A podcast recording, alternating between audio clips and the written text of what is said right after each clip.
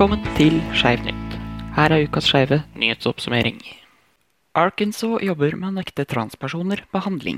10.3 melder KA TV at et Arkansas House Panel har videreført et lovforslag om å bannlyse kjønnsbekreftende behandling for mindreårige. Tiltaket vil, hvis det går igjennom, nekte leger å sette barn og unge på hormonterapi eller henvise de til kjønnsbekreftende inngrep. Disse barna trenger ekte helsehjelp. De er sårbare, forteller republikaneren Robin Lundstrøm under panelet.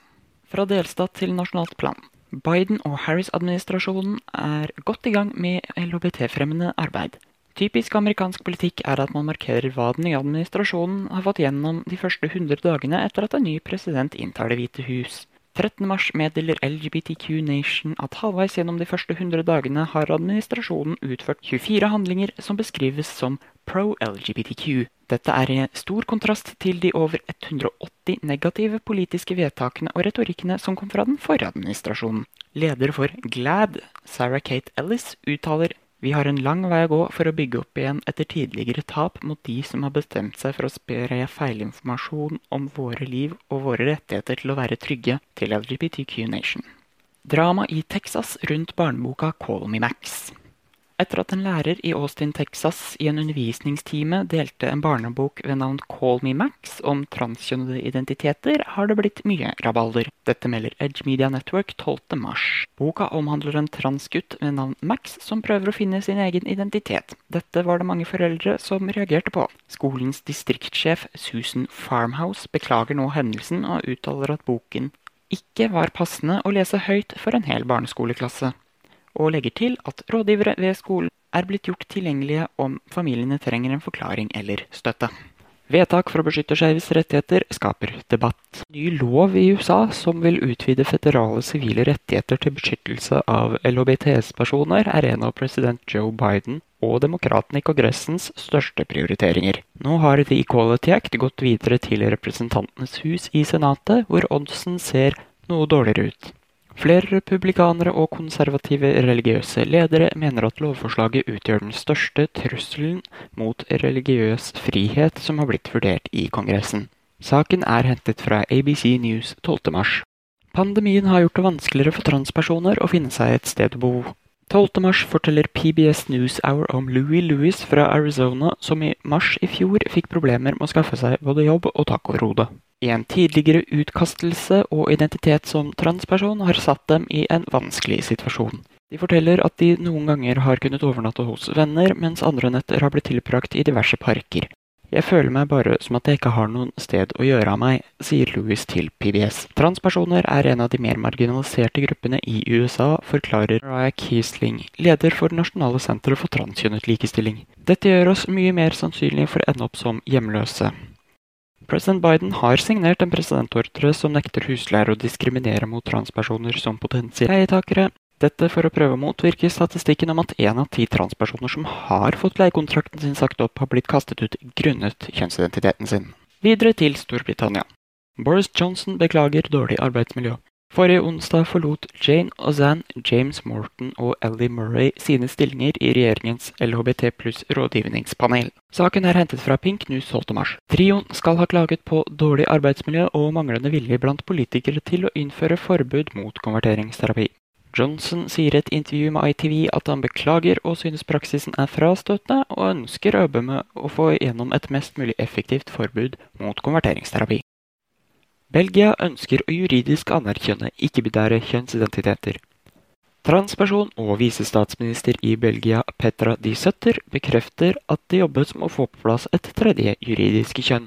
De Sutter sier i et intervju vi kommer til å reformere kjønnsloven til å spesifikt beskrive situasjonen til ikke-binære, og legger til vi har allerede et godt system for juridisk kjønnsanerkjennelse, men det har oversett ikke-binære personer. Saken er skrevet av Pink News 12.3. Vi reiser sørøstover. Vatikanet ønsker ikke å velsigne homofili. Selv om paven i 2016 var ute og sa at kirken skylder de homofile en unnskyldning, gikk Vatikanet ut mandag og erklærte at de ikke kan velsigne sexrelasjoner mellom likekjønnede, siden Gud ikke velsigner synd. Det var AP News som omtalte saken 15. mars. Vatikanet presiserer at homofile og skeive skal behandles med både verdighet og respekt, men at homofil sex er det de kaller iboende uorden. Dette ettersom livslangt ekteskap mellom en mann og en kvinne er en del av Guds intensjon og grunnlag for skaperverket. Kommentar til lovgivere som ønsker å forby transbarn å delta i sport. Mississippi ble i år den første delstaten i USA som nektet mindreårige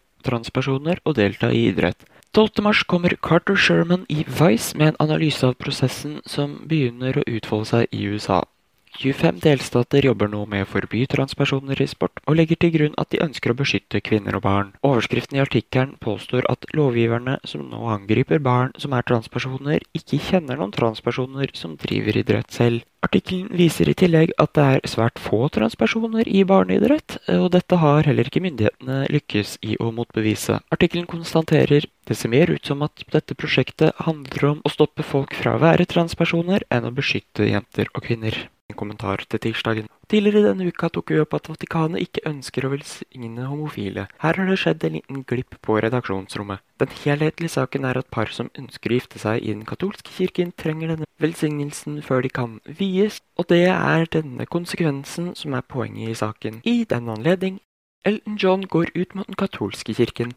Elton John påpeker hykleriet til den katolske kirken etter at Vatikanet var ute og meddelte at de ikke ønsker å velsigne homofile par. IndieWire melder 15.3 at han var ute på sosiale medier da den katolske kirke investerte store summer i filmen hans Rocketman, som omhandler livet til John, samtidig som de nekter å vie homofile par. Særlig siden Elton John giftet seg i 2014 med David Furtnish etter å ha vært i et sivilt partnerskap siden 2005.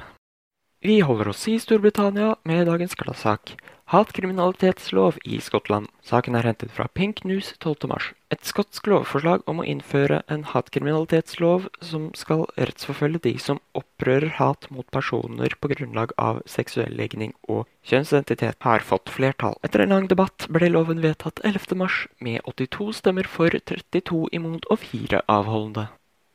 Grunnlovsbeskyttelse av skeive i Japan. En japansk tingrett vedtok onsdag at for personer med vigselsrett å nekte å vie par av samme kjønn er grunnlovsstridig. Channel News Asia melder 17.3 at dette er den første dommen vedrørende homofilt ekteskap som har falt i landets historie. Grunnloven legger til grunn at for at et ekteskap skal kunne inngås, kreves det et gjensidig samtykke fra begge kjønn, som er ordlyden. Dette vil altså si at selv om homofile par kan gifte seg ærlig og redelig, får de ikke samme arve-, adopsjons- og trygderettigheter etter hverandre som heterofile par har.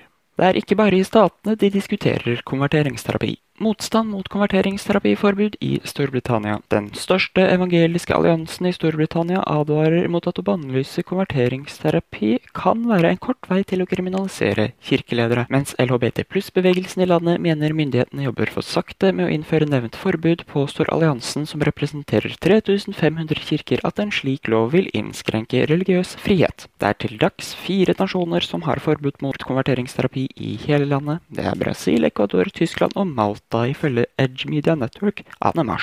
Videre til statene. Representantenes hus-medlem prioriterer transfobi over fordømming. Independent.co.uk melder 18. mars om medlem av Representantenes hus og konspirasjonsteoretiker Marjorie Taylor Greens nyeste kontroversielle utspill. Hun tok seg tid til å tvitre om demokratenes lovforslag om å motarbeide vold mot kvinner og sikre likestilling for LHBT pluss-samfunnet. Green mener de ønsker å ødelegge Guds skapelse ved bl.a. å la transkvinner sone i kvinnefengsler, og legger til det beste forsvaret for en kvinne som er utsatt for vold, er en pistol. Dette ble ikke veldig godt mottatt, siden det tirsdag samme uke ble skutt og drept åtte amerikanske kvinner av en hvit mann i Atlanta i Georgia, noe Green ikke ser ut til å ha nevnt. Kinesisk skole tillater trakassering av skeive. South China Morning Post kunne meddele 18. mars at mobbing og overgrep av skeive ved en kinesisk skole har fått ledelsen til å se en annen vei. Elever som har rapportert trakassering og overgrep, har fått beskjed om å leve med det mens andre elever som rapporterer om mobbing, blir anbefalt om å droppe ut av skolen.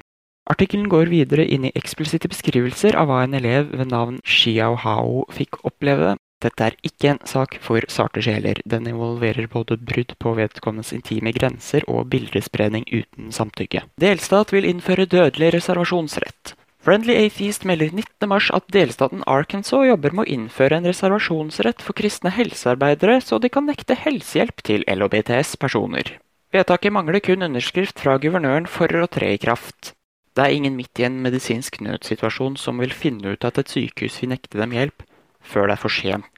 Enkelt sagt prioriterer dette lovforslaget den religiøse troen til sykehusadministratorer og arbeidsgivere framfor pasientenes liv. Uttaler leder for American Atheists, Alison Gill. Videre til loven som kanskje kan stoppe nevnt forslag. Folk i statene ønsker likestillingslov. En undersøkelse utført av HRC og HRA i USA konkluderer med at en likestillingslov som skal beskytte kvinner og LBTS-personers rettigheter, er ønsket. Dette melder LGBTQ Nation 18.3. I en undersøkelse svarte 30 av de 1007 spurte at de var imot lovforslaget. Resterende 70% var enten tilhengende eller sterkt tilhengende av forslaget. De fleste som ble spurt, ga uttrykk for at de ikke ønsker at bedrifter skal kunne ha et religiøst fritak som tillater dem å diskriminere mot bl.a. LHBTS-personer. Republikanerne i Senatet jobber likevel hardt for å få stoppet godkjenningen av vedtaket. Mye lover og regler i dag. Hatkriminalitet i California. Los Angeles Times melder 16.3 at Johnny Santos Moreno fra Costa Mesa, California, sitter nå i varetekt i Orange County, siktet for overgrep med dødelig våpen. Påtalemyndighetene sa at han angrep en transkvinne med et skateboard. 23-åringen vil bli tiltalt for angrep med dødelig våpen, som selv erklærte at han ikke erkjenner straffskyld i retten. Aktor informerer om at han nå sitter i varetekt inntil videre med krav om 50 000 dollar for kausjon. Skadeomfanget til fornærmede er ikke offentliggjort. Takk for at du hørte på denne ukens podkastversjon av Skeiv nytt, presentert av Mason Wesi. Vi henter våre nyhetssaker fra subredditen LGBT News. Følg lenken i toppen av episodebeskrivelsen om du ønsker å lese mer om sakene vi har omtalt. Husk å følge podkasten i din app for å få med deg nye episoder, og at Skeiv nytt alltid kommer først på Skeiv Vlogs, Snapchat, lgbtq.vlog.